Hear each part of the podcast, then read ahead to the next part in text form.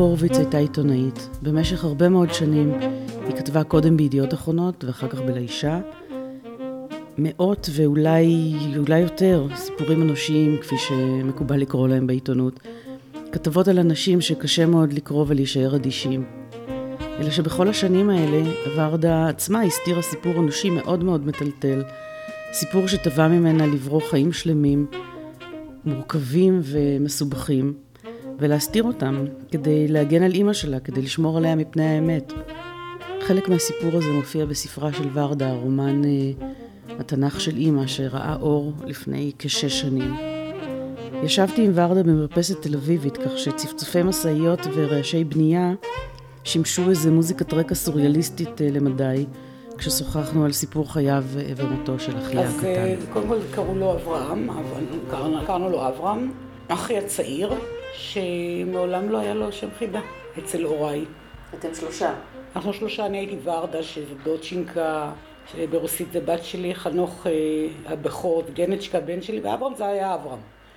וניצולי שואה, והיה לו מאוד קשה עם אבא שלי, לאבא שלי היה קשה איתו. הוא עזב את הבית בגיל הנעורים, חזר, בא ושב, ואחרי הצבא, עם הרבה קשיים של הסתגלות, ועם כישרון אדיר לנגינה וכתיבה, כי הכל אה, תועד אצלו באין ספור אה, ניירת מכתבים ונגינה על המון כלים. הוא עזב אה, וחיפש את עצמו, נע בין ארצות הברית, ברוקלין, לסמטאות מאה שערים. רגע, הוא עזב את הבית כי הוא חזר בתשובה? לא, לא, הוא עזב לפני כי הוא, הוא נדד. הוא תמיד חיפש חברה או, או בית. לא היה לו בית במובן של הום. זה לא היה בית בשבילו, היה ילד דחוי. למה אבל? קשה לי להגיד את זה. אני לא הייתי ההורה שלו, אני הייתי על תקן אימא שלו. זאת אומרת... כמה שנים הבדל יש ביניכם? שנתיים, שנה ותשעה חודשים. אה, את לא באמת אחות גדולה מאוד. אבל אני אחות גדולה מאוד, והוא אחי כן, הקטן. כן. הוא היה לי כמו בן, אני, התחושות שלי כלפיו היו מגוננות, אני כל הזמן גוננתי עליו, באופן טבעי. קשה לי אה, להגיד את זה, אבל אני אגיד את זה. אני אגיד את זה כי עבר זמן. הם לא אהבו אותו. הוא היה ילד לא אהוב. חכם, מבריק הכל. אבא שלי נהג להכות אותו. אה, היה בו עקשנות שהייתה באבי, דווקאיות שהייתה באבא שלי. כנראה זה ישב או שהוא הזכיר לו איזה אח. אבי איבד עשרה אחים בשואה. אה, אחד מהם זה אח שהוא ברח איתו, שהם הצליחו שניהם להימלט. מאיפה? דרך, מוורשה. והם שחו בנהר הבוק. ואבי סיפר לימים, הכל נאסף מפיסות מידע, שהוא אחז בידו בסירה, הם שטו והאח אה, אה, נפל מן הסירה ואבא שלי אה, החזיק אותו ביד והוא שמט לו את היד. אני חושבת, ואולי אני רוצה לחשוב, שזו הייתה החרדה שלו והכעס הגדול שהוא עבר לאח שלי. כל פעם שאחי ברח מהכיתה, או עשה ברדק, או הסתובב עם חבר'ה מהשכונה שנחשבו לפושטקים בחולון, אבא שלי היה מרביץ לו, פחד, מכות רצח. כאילו הרגיש שהוא שמע, והוא גם נהג להגיד שהוא מזכיר את אחיו, את עקיבא. מההיכרות שלי המעטה איתך, אני יודעת שארץ שגם את היית מתבגרת לא קלה. אבל היה פיצוי, כן, א', בת יחידה, לבנות לא מרביצים, גם לא לנשים, ומנגנת על פסנתר, והייתי גם מאוד מרצה. אוקיי. וגם מסתירה הרבה, זה לא, אם עשיתי דברים אז זה לא בפרובוקציה, בסתר. כמו סיגריה ראשונה או התנשקויות, ו... אבל די פחדתי. רוב החיים שלי התנהלו על פי הפחד הזה, לאור הפחד הזה או החושך. חתונה מוקדמת, נגינה על פסנתר כשכבר לא רציתי לנגן. אברהם לא. אברהם חי, אף אחד לא יכול היה לעצב את חייו. הוא היה אינדיבידואליסט ממש. לא כל כך קיבלו את הילדים האלה, וגאון. הוא קפץ מכיתה ב' לד'. הוא היה גאון בתורה גם. זאת אומרת, הוא קיבל במסיבת תורה בכיתה ב' את תפקיד הרבי, מי ידע? עכשיו, אנחנו בית חילוני, אתאיסטי, קומוניסטי, לא הייתה מזוזה, שני אחיי לא עלו לתורה, מעולם לא. לא היה, אלוהים היה לנין, של אבא שלי, של אימא שלי, כי היא רוסייה, ושל אבא שלי היה לו אלוהים, הוא למד בחיידר, אבל הוא נשאר שם, עם האחים שלו. אז פתאום אחי הלך לחפש, לדעתי משפחה, לדעתי חום, לדעתי תשובות. הוא חזר בתשובה. באיזה גיל הוא חזר בתשובה? אה, זה היה תהליכים, הסופי זה היה בגיל 28, אה, משהו כזה. אז היו עוד שלבים שבהם המשפחה ידעה על זה, זאת אומרת, כן, כן, הוא גם בא הביתה ו... כן, עם כיפה קטנה לראשו. כשאני זוכרת את אימא שלי, זה גם כתוב בספר, אומרת לשכנים המצקצקים, אה, זה לא כיפה שכל כך רואים, הפיצקה לכיפה, זה, זה לא נורא, מנחמת את עצמה. ולפעמים גם סותרת את עצמה ומוצאת נחמה בזה שהוא לפחות לא לבד. כי היא כן יודעת שאצל הדתיים אי שם יש המון אנשים ביחד. אז העיקר שאברהם לא לבד ו... וכולי. לאט לאט הוא נעלם מחיינו. ביוזמתו? זאת אומרת, הוא באמת איתי קשר? מאוד היה לי נוח להגיד כן כל השנים ביוזמתו, אבל אחרי שנפרדנו סופית הבנתי שזה מבנה של, שנה, של שני הצדדים. אני חושבת, אני רוצה לדבר עליי, שוויתרתי עליו. היה לי נוח. כלומר, לא היה לי נוח עם המלמלת, ה... הוא ניסה לדבר איתי תורה כשהיינו נפגשים. כן. היה לי קשה עם זה, הוא גם לא היה בריא כל כך בנפשו. הצבא, החיים, המכות, גרמו לו למאניה דיפרסיה קשה. ואני, כמי שגוננתי עליו, וטיפלתי, ורצתי לכל המקומות, כולל מקום שהוא היה מאושפז כשהיה בצבא, אה, והייתי בהיריון, עייפתי. פשוט עייפתי. לא אמרתי עד כאן, אבל הרגשתי שאין לי כוחות, שאני חייבת, התחתנתי. היה לי כבר בית, הייתה לי ילדה, היה לי בעל שלא אהבתי. אבל הוא היה לי עם מבטחים. הוא ענה לי לאיזה צורך, ניסינו. וכל המתחים האלה לא היה מקום להתמודד עם השיגעון, או החזרה בתשובה, או ups and downs, או היחסים של אחי עם אבא שלי. זה שהוא היה ספון אי שם בירושלים בהתחלה, ואחר כך בברוקלין, ושוב בירושלים. היה לי נוח לדעת שהוא ספון איפשהו. איך ידעת בכלל איפה הוא ו... אה, הוא מדי פעם מתקשר וגם אה, שאלתי. אני חיפשתי אותו, אבל לא כדי לפגוש אותו, כדי לדעת מה איתו. הייתי הולכת למשרד הפנים כל כמה שנים, שואלת אה, על פי תעודת זהות וזה לכתובתו. אז תמיד יש כתובת. הוא עבר מדירה לדירה, אבל יש כתובת על שמו, איפה הוא משלם ארנונה וזה. ודוחפת את הפתק למגירה ויודעת שיש אח בחיים. לא ידעתי שאפשר להשיג את המידע הזה. במרשם האוכלוסין. כן. את יכולה את כל כתובת. מרשם, אני כבר התמחיתי, כבר הכירו, היא באה לחפש את אחיה. התווספו לזה חרדות. כל פעם שקרה אסון, למשל של שריפה בבני ברק בחורף, במקומות האלה, בני ברק או ירושלים, פעם הוא שם, פעם הוא פה, כשיש שריפה כי תנור אה, דלק, מה, הייתי מתמלאת חרדות. שמא זה השם שלו, והוא. והולכת ומבררת בבתי חולים והכל, ואין אברהם הרמן ונרגעת. היו המון פיגועים בזמנו בירושלים. על איזה שנים אנחנו מדברים? למשל שנות הפיגועים זה שנות ה-80. כן. וה-90 גם. כן. פיגוע באוטובוס ענק במאה שערים, כשידעתי שהוא שם ברחוב שמואל הנביא. טרגדיה, פיגוע עצום, מגה, וצלצלתי, היה קו חירום, צלצלתי לבקש שמות, ואני היחידה שנשמתי לרווחה, לא היחידה, אבל ששמו לא מופיע בפיגוע הזה, וכל מה שרציתי לדעת שהוא לא מת, שהוא חי. יהיה במקומו ואני במקומי, כבר לא היה דיאלוג גם. יום אחד הלכתי לחפש אותו, הגעתי, הוא היה נורא גאה, כי הוא היה איש בודד וערירי.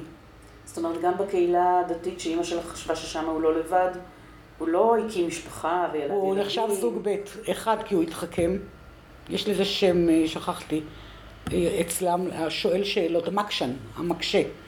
הוא חכם היה מאוד, מאוד. אני אספר לך מה מצאנו אצלו אחרי שהוא נפטר את כל השאלות כתובות. אה, מקשן וגם חוזר בעל תשובה, וגם ממשפחה שדחתה אותו. אה, ובמאה שערים הגזענית מאוד, הוא הגיע בהתחלה לקיצוניים, לאט לאט הוא עבר לבני ברק, לחב"ד. אבל בהתחלה הוא נתקל באכזריות והתעללות רגשית וגזענות איומה. הוא אדם שיכול היה לנגן, זה נודע לנו הכל אחרי. אריק איינשטיין, אה, איינשטיין פרנצסקה פוליטיקה ולעשות ראפ ושנסונים צרפתיים, הוא ניגן. אה, בחלון פתוח במאה שערים, וסטיבי וונדר גם.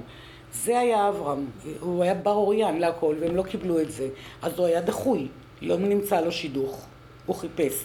מה שכן מצאתי אחרי מותו, וזה אני אספר עוד, זה מכתבי אהבה מנשים ונורא שמחתי, ואחת מהן מצאתי. עכשיו, אני למדתי על חייו אחרי שהוא מת. אז שנים חיפשתי אותו רק כדי לדעת שהוא חי. המצפון לא ייסר אותי, ידעתי שהוא ספון, וחייתי את חיי עם כל הקשיים, וגם החיים הנורא טובים, כי זה קשור. חיים טובים זה אומר כתבות תיירות והמון לייפסטייל וגם כשביקרתי אותו לקחתי אותו למסעדה החרדית שיכולתי לכתוב עליה אחר כך בטור האישי שלי כי היה, היה בה משהו מיוחד. והוא נורא היה גאה שהגיעה אחותו היפה ועשה איתי סיבוב במאה שערים ולבשתי חצאית לכבודו, לא פאה. את יודעת, אה, ממש התלבשתי למהדרין ולא ראיתי אותו אחר כך עשר שנים הפגישה הזו לא הייתה לי טובה. אז היא הייתה כמובן ביוזמתך, זאת אומרת, כן, כן. מוחלטת אה, מבחינתו. מבחינתו הוא שמח, הוא התרגש, הוא שמח. רציתי שיבוא להיפרד מאבא, שכבר חלה, והוא לא בא להיפרד. הוא אומר, שנפ... הוא אמר לי, אני נפרדתי ממנו. ואבא שלך שאל עליו בשנים? בשנים האחרונות, כן. הוא אמר, אבא שלי היה אומר, והוא איש לא דתי אבל היה לו יסודות דתיים. אה, כל בן צריך לכבד את אביך ואת אמך, פתאום הקומוניסט. הוא צריך לסלוח לאבות, הוא היה חול חרטה, בדרכו. כן. איש קשה. ואימא שלי גם. ואני התחלתי להתגעגע אליו מאוד. התחלתי לכתוב ספר. החלום שלי היה אה, לסיים אותו ולהביא לו את זה כמתנה, שידע שכל המסע הזה שהוא עשה, מסע מטלטל וקשה, וגם מסע חיי, הוא לא יצא לי לרגע מהלב ומהראש. כתבתי ספר שהוא אחד הגיבורים, אם לא ה... בספר הזה, זה דמות שנקראת חיים והוא באמת השראה. הוא באמת היה השראה, וחלמתי להביא לו את הספר של גמור התנ"ך של אימא, כשחיים הגיבור עם הקדשה, והוא יהיה נורא גאה, והוא יהיה בהשקה, והוא ינגן, ידעתי שהוא מנגן. ובעודי כותבת את הספר שכתיבתו נמשכה חמש שנים, אה, אני נסעתי לעמוקה, לצימר במצפה עמוקה, בקתת עץ רומנטית, כדי לסיים אותו. זה היה אה, שבועות, חג שבועות, ב-2012, ואני לא אישה דתית, אבל בגלל הספר ובגלל... אה, וזהו, אז חקרתי אי אלו דברים שקשורים לתנ"ך. ישבתי וכתבתי את הספר על חיים, על הבדידות שלו, על איך הוא הולך ומשתבלל ומתרחק מהמשפחה. ו... ואז הגיע טלפון, אה, טלפון, ובטלפון נאמר לי על ידי אחי הגדול, שאברהם מת. אחיך הגדול היה איתו בקשרים? לא. מצאו אותו חברים מבני ברק.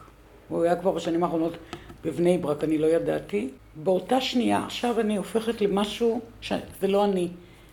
קרה לי משהו שהוא כל כך אה, רחוק ממני ושונה ולא אופייני. אני לא אישה שמאמינה אה, במיסטיקה, או בניו אייג' או ב... אני לא יכולה להגיד לא מאמינה בניסים, קורים דברים, אקראיות היא, פול אוסטרית, היא תמיד קורית ואני שמה לב אליה, אבל אף פעם לא ייחסתי לזה משהו שהוא שייך לעולם אה, אה, סודי או משהו כזה. באותו רגע שאמרו אברהם מת, זה היה יוני, אני, התחיל לרדת גשם בעמוקה, ממש גשם, אבל מאיר רותחין. גשם חם, והפסיק באחת, ובעלת הצימר היא חברה שלי, ואני צועקת, אורה, אורה, אורה, אחי. ואני מתחילה לארוז כדי לנסוע הביתה, לבני ברק, להתחיל, אה, אברהם מת, איך אני, מה אני עושה עם אימא שלי? איך אני אומרת לה את זה? היא אישה מבוגרת, ממש אישה זקנה כבר, מה אני אומרת לה? הכל הכל התערף אצלי. ואני אומרת לה, אורה, ראית שהיה גשם? והיא אמרה שלא היה גשם, העלים נשארו יבשים. אני לא יכולה להסביר את התופעה הזו. אני, נשבעת, אני יכולה לשים את היד באש, ירד גשם. נסעתי באוטובוס בקיצור וידעתי באותה שנייה שהמשימה שלי היא, חוץ מלקבור אותו, לסיים את הספר בשם חיים. הוא חיים. ולהסתיר מאימא שלי את דבר אה, מותו של, של הבן שלה, של אח שלי. אימא שלי, אסור לה לדעת שאח שלי מת. אין דבר כזה. היא לא תמות בהרגשה של חרטה או של צער, משום שכל השנים כשהיא ביקשה לפגוש אותו, היא, היא שמחה עליי, כולם שמחו עליי בבית, שזה עוד סיפור. אני בעצם מסדרת את העניינים. מתחתנת מהר, עושה להם משפחה, צריכה להחזיר את אברהם, וגם למצוא את אברהם וגם לדאוג לו, ברור, ברור. הם לא אמרו לי, זה תפקיד שלקחתי על עצמי. ניצולי שואה סבלו מספיק. יש דברים שלא נאמרים במילים. נכון. הציפייה והמחמאות, ורק את היכולה. יש לי המון כוח מהפידבקים, מהרוח הגבית לעשות הכל. אז אימא שלך עוד קיוותה לפגוש? ברור, היא ידעה שהוא בברוקלין. תקשיבי, אה, זה סיפור שסיפרתי לה משום שהיה לו פרק בברוקלין. ושהוא חי שם טוב, והוא יבוא לארץ, אז הם ייפגשו. וזה סיפרתי לה כדי לפתור את עצמי מלמצוא אותו ולהביא אותו אליה. מרגע שהוא, נודע לי שהוא מת, קברנו אותו בבאר יעקב. איזה רב, אנחנו לא מתמצאים בחומר, בבני ברק אמר לי, הוא לא יכול להיקבר בקיר, הוא היה צדיק. מצאנו אצלו 400 ספרי הגות, לא תורה, רק הגות. זה מרטין בובר, וזה חילונים, נעמי רייגן, וזה קבלה ארמית, וספרים של מוסר, ספרי מוסר, הוא היה בפסנתר.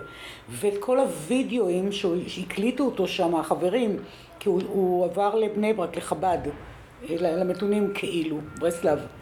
אה, הקליטו אותו מנגן להם את איב אה, מונטן, אה, עלי שלכת, בצר...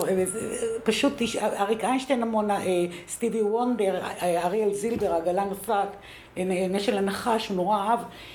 הוא היה אדם והיפוכו, גם דתי, גם חילוני, גם פרוע מאוד וכיפי להם, לחבורה שמצאנו בבני ברק. סירב להיפגש עם המשפחה, הם אמרו לנו, רצינו לקרוא לכם כשהם עולו חמישים, הוא סירב, הוא התבייש. מצבו אולי. קודם כל, היה לי נורא קשה לקבל את זה שהוא מת. מה זאת אומרת הוא מת? אני עוד לא מצ... נפגשתי איתו, מה זה, אי אפשר להיפרד לפני שנפגשים. אבל זה מה שקרה. בן כמה הוא היה? 53, אבל הוא היה ילד, אף אחד לא האמין, הוא, נראה 40, והיה לו נשמה של ילד. כל הזמן הוא היה ילד. זאת אומרת, משפחה הוא לא הקים, לא, הוא היה ילד, הוא היה אחי הקטן. לא האמנתי, כשאני ביקשתי מזדקה באותו יום להיכנס לאוטו ולראות אותו, לראות שהוא מת, לא, לא האמנתי. והיית מסוגלת לעמוד במעמד הזה ולראות? לא, לא ידעתי אם אני מסוגלת, נכנסתי ב... גם הם לא נורא ששו להכניס אישה לאוטו הזה. באמצע בני ברק, רבי עקיבא מאלי, עם ג'ינס. ואני ראיתי אותו ישן, ואני... כשהוא היה ילד, הייתה לו תכונה כשהוא היה מנגן או פותר אה, משוואות במתמטיקה לעצום עיניים. אמרתי לו, למה כמו שאמרתי לו כשהוא היה ילד, עזבתי בו. למה אתה עוצב עיניים כשאני מדברת אליו? מה, ממה הוא נפרץ? הוא שם מפרצת בלב בחג שבועות. עכשיו, אני שוב אומרת לך, אני חילונית אימים, אבל בכל זאת, אני חייבת להיאחז במשהו, אפילו אם זה לא ההיגיון שלי, זה ההיגיון שלו. חג שבועות זה חג של דוד המלך, קוראים תהילים. אני יודעת את זה. אנחנו אוכלי אה, לא כשר, אבל יש דברים שאת יודעת. ואברהם מת בחג ממש של דוד המלך, שגם ניגן, בנבל, את יודעת, גם היה מטורף, וגם היה ג'ינג'י, ואחרי היה ג'ינג'י אדום שיער עם זקן אדום. אחרי היה ג'ינג'י, כמו אימא שלי, כמו הבת שלי. כמו בשיר על אה, ג'ינג'י שלי, ראש זהב לידי, שם הוא גם פוגש את דוד המלך. זה, זה אח שלי. הוא פגש את דוד המלך בשבועות, הוא צעק, ככה סיפרה השכנה, אלוהים, אלוהים, ונפל. אמרו שהוא הסתובב ככה כמה ימים, השכנים סיפרו עם יד על הלב, ואמר שכואב לו. למה הוא לא צלצל? למה הייתי לוקחת אותו? את יודעת, יש, אני כל הזמן בדלתות מסתובבות. אילו, אז הייתי מרפאה אותו, הוא כבר היה משוקם, וגם היה לי כסף, ותנאי חיים מאוד מפונקים. מי צריך לאכול את כל הארוחות האלה שאכלתי כשהמקרר שלו, אני פותחת שתי גבינות ו... הוא אהב את החיים הוורשאיים האלה בשטייטל. הוא חזר לשם. אספתי את המכתבים, אין ספור ערימות של תיעוד החיים שלו, הקשים. השנאה לחרדים, הכעס, זה לא שנאה, אה, זכוכים, שבעים. כן, מדהים. לפרסם את זה זה מסמך מטורף. חשבתי לפרסם את זה, אין לי אומץ, זה תעודת עניות שאין כמותה. למה החריג, הוא לא החריג, החדש. באתי ללמוד תורה, באתי לדבר שורה, הם לא רצו לשמוע, רק רכילות, כסף, מי אתה, בן מי אתה. אה, זר במחוזותיהם, והוא כל כך רצה ללמוד. אני מדברת על עשרות מחברות, הוא ידע לכתוב יפה. וזה מה שהוא כתב. והקליט את עצמו, גם שר הללויה של אה, ליאונרד כהן עם הפסנתר. יש לי את כל ההקלטות קסטות. הוא נשאר פעם, הכל רדיו, קסטות, מצאתי בארון שלו חולצות לבנות, ושאלתי את חבר, מי, מי הגיע אצלו? הכל חולצות לבנות מסודרות, היה מאוד מסודר. והם אמרו שהוא הלך פעם בחודש למכבסה לא נתנה לו כסף, ושנקין. ואני גרתי שם באותה תקופה באחד פינת שנקין, ולא ראיתי אותו. הוא היה שם במכבסה שאני כיבסתי את הבגדים שלי, ולא פגשתי אותו. יכולנו להיפגש מאה פעמים. לא טרחתי, תכלס. הוא כנראה לא רצה. הוא, הוא לא ידע שאני גרה שם. לא ידע. הוא לא ידע שהתגרשתי. אני חושבת שהוא היה מאושר לדעת שהתגרשתי, הוא לא סבל את בעלי הראשון, הוא סבל את... הם לא אהבו אחד את השני.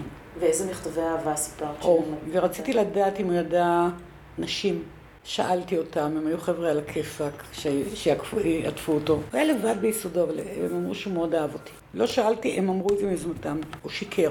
הוא אמר להם שאני מצלצלת אליו פעם בחודש, שאנחנו מדברים המון. אני חושבת שהוא התבייש בזה שאני לא מצלצלת. הבעיה שהוא לא ידע כמה הוא חשוב לי, ולא הספקתי להגיד לו שהוא חשוב לי, וזו החרטה עצומה, זה... איך אני אגיד לך, אם ישאלו אותי על ארז דווי מה... על מה אני מתחרטת בחיי, זה שלא הספקתי להגיד לאנשים שאני אוהבת, להביא, שאני אוהבת אותו. מי שמת צריך לדעת שהוא חשוב לך, שאת אוהבת אותו, שחשבת עליו. ואז את עושה את זה?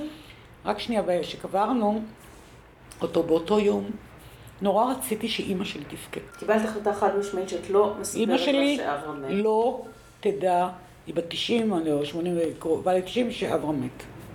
לא, אני מגנה, מגוננת גם עליה. זו החלטה. אחי הגדול הלך עם זה. סיפרתי לה שהוא בברוקלין, שהוא יבוא בפסח, כבר היא דמנטית, אז בפסח הבא, והתחלתי לשלוח לה מכתבים מברוקלין. כותבים בכתב יד של מישהו אחר, שולחים לי מעטפות עם בולים מניו יורק, יש לי שם חברים, וזה מגיע אליה לתיבה. והיא משיבה לו, והולכת לתיבה להשליך את המכתב לאיזה כתובת בניו יורק, של מישהו שיודע שצריך להגיע מכתב, חברה. כן. וככה יש התכתבות בין האימא לבן המת, שהוא לא מת, כמו להתראות לנין. בראתי לו חיים שלמים. אמרתי לה שהוא נשוי לברוניה. היא לא נשוי. חיים בלי נישואים. אה, יש לו ילדים, זה מה שהיא רוצה לדעת בתכלס. יש לה ילדים. אה, בראתי לו חיים והוא מנגן שם לפרנסתו, נורא חשוב לדעת שהוא מנגן. הוא לבד, דודשינקה? לא, הוא לא לבד. למה הוא לא מתקשר אליי? היא שאלה, אני נקרעתי פה. כי טלפון זה נורא יקר, אמרת, זאת אומרת, אמא שלי כבר לא הייתה צלולה להבין. כן, אבל זה, זה מהעבר. יש זיכרונות כאלה ששיחות מחו"ל היו באמת נורא יקרות. זה מתאים לה. כן. עוד דברים, הדתיים זה קיבוץ. אז יש שם בברוקלין קיבוץ. היא, יכולתי, שהיא הייתה גלותית קצת אה, בתפיסת עולם, אם כי אני חושבת שהיא עשתה את עצמה מאמינה לי. ושמרתי על פסאדה, קודם כל מולה, וגם מול הילדות שלי והסביבה שלי. כי ידעתי שאני כותבת את הספר וממשיכה, והעבודה, ואף אחד לא יבין את גודל ההחמצה הזו, החרטה הזו שאני מתחרטת. אי אפשר להבין את זה. גם לא אחיך גדול? לא, לא, זה, זה, הוא גם מתחרט, אבל הוא יותר אה, אה, רובוטי, הוא לא, הוא לא מראה רגשות. הלכתי כמו שיהודה עמיחי אומרת, כאילו יש מצבה בתוכי, זקופה, אבל בפנים נשברתי. באתי לאימא שלי, לקחתי אותה לאכול פיצה אחרי ההלוויה של, שלו, במרכז של השכונה שהיא גרה, בקריית שרת חולון, היה שם ישראל היום. והידיעה הראשונה בישראל היום הייתה טרגית נורא של אב ששלושים שנה אחרי מלחמת יום לבנון גילה את, את אופן, האופן בו נהרג בנו, לא כמו שהוא ידע. ואני קוראת לה את זה בעברית קלה, מספרת לה את זה גם בחצי ברוסית, והיא בוכה. ואני נרגעת. ביום, למה היה חשוב הפולחן ביום הזה, הזה פולחן הבכי כך, אמא שלי צריכה, אמא צריכה לבכות על הבן שלה. על, בשבילו. אבל אני משערת אה, שבמשך כל הזמן הזה שהיה נתק ושהיה זה, אמא שלך בכתה לא מעט על הנתק הזה. אה, שמונה שנים אחרי מותו, היא הייתה מונשמת ומורדמת ועם מורפיום, וכבר אפסה תקווה לחיים שלה, של אמא שלי, שגם ממנה נורא קשה לי להיפרד. בכלל קשה לי להיפרד. אז לחשתי לה שהיא הולכת לאברהם. כי אמא שלי לא הפסיקה לשאול למה הוא לא רוצה לראות אותה. אני הייתי בקונפליקט אדיר, כי מצד אחד יש לה בן ואני מסתירה את מותו, אז יש תקווה ויש אופק. מצד שני, הוא לא רוצה לראות אותה. אם הוא חי, אז, אז התסכול הוא פי אלף יותר קשה לה, ולא ידעתי מה לעשות עם זה כבר. ככל שעבר זמן... איך עם זה שמונה שנים? זה המון זמן, זה לא שבוע-שבועיים להסתיר משהו ו... אה, הסחות דעת בעיקר, שמתחילים לדבר על אברהם מסיחים את הדעת, מגיעים מכתבים יותר מזה, הסרטים מצאנו קלטות, וגם קלטות וידאו שצילמו אותו מנגן ושר בחגים שם בבני ברק, והבאתי לה והראיתי לה שזה מה שהוא שלח מברוקלין. אז הוא חי. אם הוא כן. מנגן ושר הוא חי. כן. וכתבתי במייל, תראי לאימא. היא לא מכירה את אה, רזי המחשב. אז, אז יצרתי חיים סביב האיש, סביב אח שלי. בתוך כדי כך גם אני כותבת ספר שאני גם יוצרת לו, הוא כאילו חי. אבל הספר דווקא זה הייתה בעיה, כי... אחי, היא לא ראתה אותו, אל תהיי... אמא שלי לא, הסתרתי ממני יפה מאוד הספר.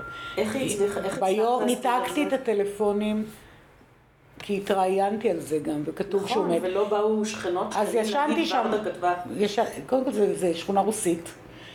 ניתקתי את הטלפון והלכתי לישון שם בערך חודש וחצי. זאת אומרת שאם תהיה תגובה לסוניה, לא ידענו שאברהם מת, כאלה, אני שם, אני מרימה את הטלפון.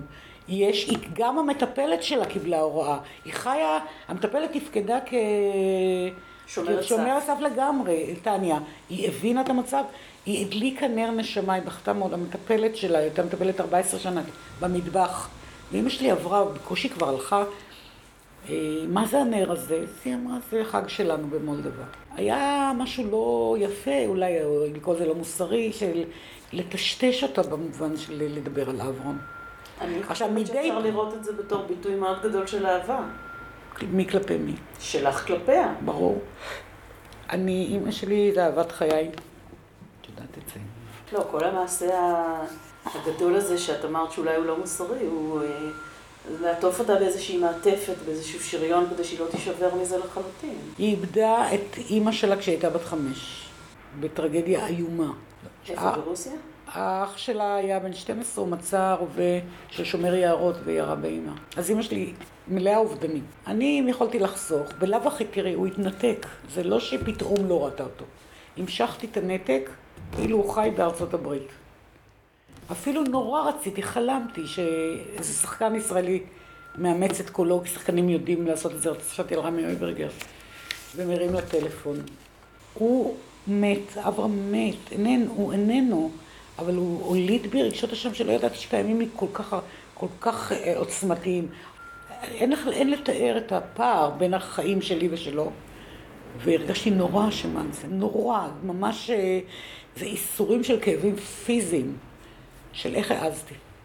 על איך העזתי לא, לא לטפל בו, זה לא רק למצוא אותו. אז נורא אה, הוקל לי כשכל מיני אנשים בפסיכולוגיה ברבע מיל הוא בחר, בחירה שלו, שחררי, תני לו ללכת. אני מלאה, לא אוהבת את הסיסמאות, המנטרות האלה, לא אוהבת. שלא כמו אדית פיאף, אני מלאה חרטות. וחרטה היא חלק מהחיים שלי. ואחת החרטות הענקיות זה שלא נפרדתי, שנפרדתי ממנו לפני שנפגשתי איתו. ועוד דבר אחד, אה, שוב, אני חייבת, כי אני אומרת את זה בהתביישות. אין לי עניין עם ניו uh, אייג', עם גלגולי נשמות, אין לי עניין בזה. יש לי עניין במסורת הדרוזית, אני מתעניינת כי אני גם כתבתי וראיינתי, עשיתי תיירות וחקרתי דתות. אבל באותה עמוקה, כשנודע לי שם שאברהם איננו, צעקתי וירד גשם, אני נשבעת שירד, יוני. והעלים נשארו יבשים. בפברואר נסעתי שוב ונכנסה לבית שהייתי ציפור. אה, אדום החזה, ג'ינג'י, אדום החזה. ציפור פוחדת מבני אדם. עכשיו, אדום החזה חי בקבוצות בדרך כלל, הוא היה לבד, היא הייתה לבד, אני אומרת הוא. ונעמדה על הספה, יש לי תמונות, אני אראה לך תמונה, ואני בגינה עם ידיים, אה, ציפורניים מלאות בוץ, ואני אומרת לה, מה את עושה פה? לא יודעת למה דיברת, מתי אני מדברת לציפור, אם אני שלמה המלך? והיא לא זזה, היא לא עפה, ואני מתקרבת לאט לאט, והיא לא זזה מהמקום, היא לא עפה. היא באה והתיישבה על הספה, ואני שוב מתקרבת ומושיטה את היד. מה יותר מזה שציפור תעוף? לא...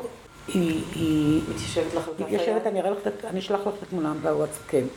וכינסתי אותה, כינפתי אותה ככה, והיא התכנפה בתוך היד שלי, ושחררתי, ואז היא הלכה. וככה כל שנה בפברואר. גם קודם את המכתבי אהבה. עכשיו ברוניה. זה סוג של קרן אור. עכשיו ברוניה. כן. לא, יש קרן אור. קרן אור, קודם כל המוזיקה שהוא השאיר. ו... וגם הסתבר שהייתה חבורה. של חברים מסביב. הייתה חבורה קטנה, נאמנה. אבל הכיפאק, והיו שנינויות. יש קלטות, את פשוט נקרעת מצחוק, הבחור ראפר. אברהם נשאר עצוב מצחיק עכשיו, ומעשן המון. שומעים את הסיגריות. עכשיו, אה, אהבה. אה, אנחנו משפחה רוסית, אמא שלי עד גיל 90 עוד היה לה סקס, אני אומרת לך באמת, כי סשה, סשה, היא, היא, היא לא סיפרה במפורט כי לא יפה, אבל היא אמרה דודשינקה כאלה דברים, מזמן לא ידעתי שיש משהו כזה. ומצאתי את עצמי קונה לה תחתונים, חומרי סיכה, אה, כאלה. אימא שלי בגיל 90, זה היה חבר של אבא שלי לשחמט. מסתבר שהוא היה בא אליי משחק שחמט, ומפסיד בכוונה כדי לבוא למשחק גומלין, כדי לראות את אימא שלי, הוא פשוט אהב אותה. אז הוא היה החבר שלה והיה שם אה, תודי כשאת באה, אימא שלי שתמיד כל כך שמחה שבאים, כל כך, היא, תמיד כאילו החזיקה את הלב. שלא תתפסי אותה במקרה, שלא תפריעי לה. לא, היא הייתה, דפנה, כן, אולי לא נהיה בבית. אימא שלי, כן, למה אני אומרת את זה? אברהם כנראה גם היה מאוד חושני, כולנו לגעת, לגעת, לגעת. למה אני אומרת את זה? כי אז השאירו לו, מצאתי בין כל הערימות, הרי עשיתי שם ניקיון, אה, מכתבי... אה, כמעט זימה של האיש המאוד, לא, הוא היה איש חרדי. אני שמעתי מהם וגם מהרב שלו, שהוא היה איש צדיק, אומר, הוא הקפיד על מצווה קלה חמורה. על המצווה הזו הוא לא יכול היה להקפיד, כי הוא לא היה נשוי, והוא כן היה צריך גבר שצריך לב. עוד מדוכא, זה בטח הוציא אותו מ... דולפינים, אני יודעת. נכון, זה כוח חיים מאוד חזק. סקס. לא, נכון, נכון. ורואים כן. את זה במכתב. היא כותבת לו רוסיה, תראי. אה, כל המכתבים הם מאותה אישה? לא, שתיים. אז כולן פגועות מאוד. כולן מתחשבנות איתו ברמות על. כי הוא קשה, היה לא יציב. אה, אתה לא בסדר, גם הקשרים שלך עם המשפחה שלך מראים כמה אתה לא בסדר, בחיים לא תתחתן, לא פלא שהמשפחה לא רוצה לראות אותך. את יודעת מה זה לקרוא דבר כזה? ולבבות. אה, מכתב אחד מאישה עם כתובת, עם מעטפה, הלכתי לחפש אותה שם. לא כל כך רציתי להגיד שאני אה, אחותו. שוב ההתרחקות, שהיא לא תתעלק עליי, לא תביא לי ילד, לא, לא, לא יודעת מה, לא... למה זה יכול להיות? זה לא מתאים לחיי, לא. יש לי... נולדו לי נכדות, החיים המשיכו, אני התגרשתי. זה לא אישה שהוא השאיר, זה מכתבים מנשים שעברו שם, כי אתה ראית לפי המכתב. התחשבנויות, אהבה אה, ותשוקה אליו, כי תמיד, אה, לפחות אחת, נהגה לכתוב לו, מצאתי שלושה מכתבים שלה שזה אחרי סקס. אתה היית כל כך רך אליי, למשל, וכל כך, אני חייבת להראות לך, וכל כך חם אליי, וכל כך פראי אליי, היא כותבת לו ספק עברית אה, טוב, משובחת ספק עברית אולפנית, לא יודעת משהו כזה. וכל כך נהדר אליי, שלא יכול להיות שאני אה, פגשתי את המפלצת אתמול כשבאתי, אני לא רוצה לראות את הפרצוף. הוא הפך למפלצת בן רגע. כן. כנראה איש כעוס, לא כנראה, כעוס ומריר מאוד, מאוד. שהיה משתבלל לפעמים כמו צב, ממש. אמרת לי שאני שמנה. מה אתה חושב שאתה? מלך היופי? טה-טה-טה, הכל ברמה מאוד ילדותית. אה, וזאת שחיה ברמת גן, הצצתי עליה, זה כבר מביא אותי לסיפור אחר לראות מי זאת. את, את היא עושה... היא הייתה אישה, אני עושה מעקב. הרבה מאוד עבודות של בלשית. לא, לא, אני, תקשיבי. לא, קודם בחיפושים. מצאתי את חייו כן. אחרי מותו. זהו, אני באמת יודעת על חייו הרבה יותר אחרי שהוא מת. כתיבה השאירה המון מלכי הרוח וניסים שקראו לו, וגם, וגם פנקסים קטנים שיש לי בבית של שדכנים. הוא רצה זוגיות. מאוד רצה. אבל רגע, מה זה, מה זה נקרא שהצצת לבחורה? זאת אומרת, לא... היא גרה ברחוב הרקפת, נדמה לי. חיכיתי עם האוטו לראות, וגם שאלתי אנשים לעשות. יצא התיאור הזה. אישה שמנמנה, רוסייה, מקומה שנייה שנקראה ברוניה. אני לא הצגתי את עצמי. בסדר, היה כתובת ו... את שלה את אימצת בשביל אחר כך לתת לו אישה לכאורה בברוקלין. זאת האישה, זאת האישה ששמחתי היא לא יודעת מי אני, היא לא פגשה אותי, אני יודעת מה היא כתבה לו, שני מכתבים, או שלושה, אני לא זוכרת. יש הקלטה שהוא מנסה ללמד אותה עברית. הבאתי לאימא שלי את השיעור הזה שהוא מלמד את ברוניה עברית. כאילו זאת ברוניה שהוא פגש בברוקלין. אז אימא שלי, הרוסיה, את יודעת, היא יצאה מרוסיה, רוסיה לא, לא יצאה ממנה כל כך, נורא שמחה שבכל זאת הוא עם רוסיה, אז הוא לא שכח אותה. מה הוא אוכל? גלופצי, פילמני, המצאתי לו את כל ה... בקיצור, ככה ניחמתי אותה על זה שהיא לא רואה אותו. וגם במכתבים, אמא, אני אוהב אותך, אני חושב עלייך, היא עושה לי אוכל לפי מה שאת עשית, הכל ברמה הזאת האמהית הבסיסית. אני מנגן, אני עושה שמח לדתיים ואפילו מרוויח כסף מזה, וכל הדברים. היא ידעה לספר בשכונה שזה מה שהבן שלו עושה באמריקה. כולם יודעים שהבן איננו. אבל היא כבר לא הייתה ערנית לדעת ש... בכל התקופה הזאת, כשאת צריכה לייצר אה, מין חיים כפולים כאלה, לגמרי, כלפי אימא שלך, מה תומך בך? במה, במי את נתמכת? במי את... אה, בסוד, זה סוד עצום. נכון, זה סוד... זה שכותב לי זה אורי כמובן, שגם עושה על זה, גם סרט, איזה מפיקה, ראיינה את אימא שלי, יש לי את ה... בסוף זה לא יצא לפועל, אולי עוד יצא. אורי בן זוגך. כן, אימא שלי כותבת, עונה לו על המכתבים. חבר שמצאתי, לא חברים, הוא היה איש בודד, היו שניים שלושה שהבינו את הייחוד שלו. באו, באחד מהם בא לאימא שלי, אני אגיד לך למה הוא הסכים לשקר, שזה גם הפתיע אותי מאוד. הוא בא ואמר לה שאברהם חי בברוקלין ושהוא נוסע אליו ומה למסור לו, זהו. הוא הסכים לשקר ולא ידעתי שהרבי מלובביץ' היה לו אותו סיפור. זה אני לא ידעתי, היה לו אח שנפטר. הוא החליט להסתיר מאמו את מות אחיו וברא לו חיים. נודע לי את זה רק אחרי ש... שאני כבר התחלתי במסע הזה. אני רוצה לשאול אותך שאלה שתישמע נורא קשה, אבל אה, אחרי שאימך נפטרה, שזה משהו שבטח בפני עצמו מאוד נורא קשה, יש איזושהי... שחרור. איזשהו פן של הקלה מהשחרור של הסוד? כן, הכי שיש. אחרי שאמרתי לה, כבר היה, את יודעת, אני ראיתי את המוניטור וגם אמרו לנו כך או אחרת. ולחשתי, שמתי לה ככה, ליד האוזן. זה נשמע הכל טקסי, אבל זה הבית שלנו, בית של מוזיקה, וזה, אין מה לעשות, מוזיקה רוסית, וגם לא רוסית. שמתי לה אריק איינשטיין, היא מאוד אהבה את חול המטפחת, השירים שהתאזרחו, וגם אה, שירים ברוסית, רומנסות רוסיות, ליד האוזן. אני וגל, הבת שלי, גל התחילה עם זה, בואי אימא, ושמה לה ליד האוזן, והיא לחצה לנו עוד את היד, עד שהיד רפתה. ואז שהיד רפתה, אמרתי לה, אימא, את הולכת לאברהם. את תראי, את, הולכת לפגוש את אברהם. את לא יכולה לתאר את השחרור הזה. כן. זה... תראי, פעם שאל אותי, אני לא אנקוב בשם, מוציא לאור, לא של ידיד, מוציא לאור אה, אחר, למה לא הוצאתי, למה אני לא מוציאה רומן? הוא רוצה, רוצה לו, זה היה מחמאה אדירה, אחרי המלצה רומנטית, שמוציא רומן, תכתבי רומן, כמו שאת יודעת לכתוב, הוא גם היה קורא את הכתבות, תוציאי אצלי. ואמרתי לו, בשביל שאני אוציא רומן, אה, שהוא ספק אוטוביוגרפי, זה הרי לא, תמיד זה מציאות ובדיה, את יודעת. מישהו צריך למות, והתכוונתי לאבא שלי. או בשביל שאני אתגרש, מישהו צריך למות. לא התגרשתי עד שאבא שלי חי. יש משהו משחרר, כן, בגלל המקום שבאתי, של ניצולי שואה של דור שני, שאת יכולה באמת ללכת, הם לעולמם ואני לעולמי שלי. הסוד, השקר, בוא נקרא לזה השקר, זה לא סוד, זה שקר עצום. כי אני לא שתקתי, אני המצאתי לו חיים, הוא חי. השתחררתי.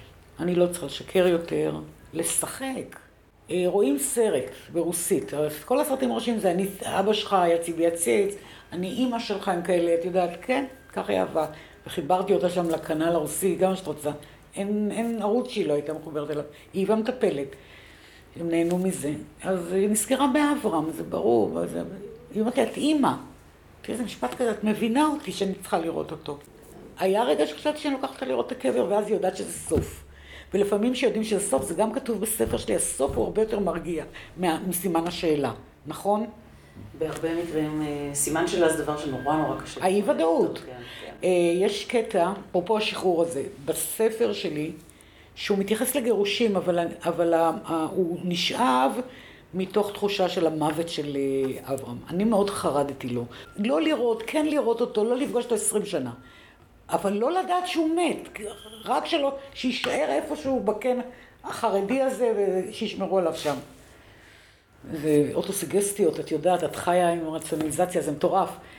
ויש קטע שאני מתארת בספר, אה, מדף בתוך בית, רעוע, מדף קורס כמעט, כמעט ליפול. הוא תלוי לא טוב, ובקצה המדף עומד כוס, עומדת כוס זכוכית. ושמאיימת ליפול, ואף אחד לא נוגע בה. אף אחד לא נוגע, ככה היא עומדת מעלה בה. ויום אחד הבעל במטבח, והבעל הזה חי בלימבו. הוא חי בלימבו כאישה, הגיבורה או נעמי, אה, עוזבת לא עוזבת, כן עוזבת לא, היא לא אוהבת אותו. אני הולכת, אני מתגרשת, אני באה, אני חוזרת, הוא מת מפחד שהיא תלך, אבל הוא לא יכול לחיות בלעדיה, הכל מעורבב. והוא נורא חרד כל הזמן שהיא לא תעזוב אותו. ויום אחד היא בגינה, מביטה למטבח, מסתכלת על המטבח, והוא שם במטבח עושה משהו, ופוף, הכוס שעמדה בקצה המדף הרעוע הזה נופלת, מתרסקת לשברים רסיסים על הרצפה, והוא מתחיל לאסוף, מתלונן. התנועות שלו, שהוא אוסף את השברים, נורא רגועות. כי הנה זה נשבר. הנה לא זה, לא צריך לפחד. לא צריך לשחק, לפחד. אתה יודע את הסוף. מה שקרה עם אימא שלי, כשהיא הלכה, את שואלת, זה נכון, המוות והפרידה הזו מאברהם, קודם כל נתתי לה להיפרד, אמרתי לה שהיא אליו. ואני נפרדתי לא רק ממנו, מהשקר הזה, מהחיים שבראתי לו. זה קשה. אבל הגיע הזמן באמת, אה, את יודעת, להיפרד מזה, כי זו המצאה, וזה גם מול הבנות שלי, ואם הייתה אספה של כל הנכדים, היא עשתה לה משפחה. נהייתה משפחה, ממשפחה של חמש נפשות עם אליהו הנביא, או שש, נהיינו נוקיה בליל הסדר, זה לא יאמן. הבנות שלי... נוקיה, היכל נוקיה. ממש, לא כן, לא היינו ככה. כן. לא, לא, לא יכול להיות שזה קרה לה.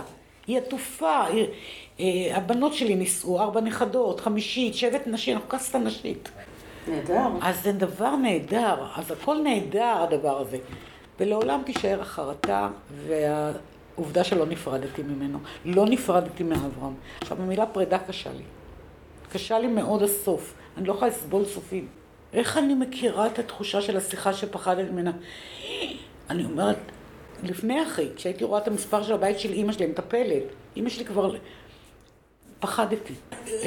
הייתי רואה מספר של אימא שלי, וקודם כל מפחדת. אותו דבר, אנחנו עסוקים בלפחד ממוות. ואין, הוא יבוא, חבל על הזמן, את אומרת, צודקת. ורדה, תודה רבה שחלקת איתי את הסיפור הזה.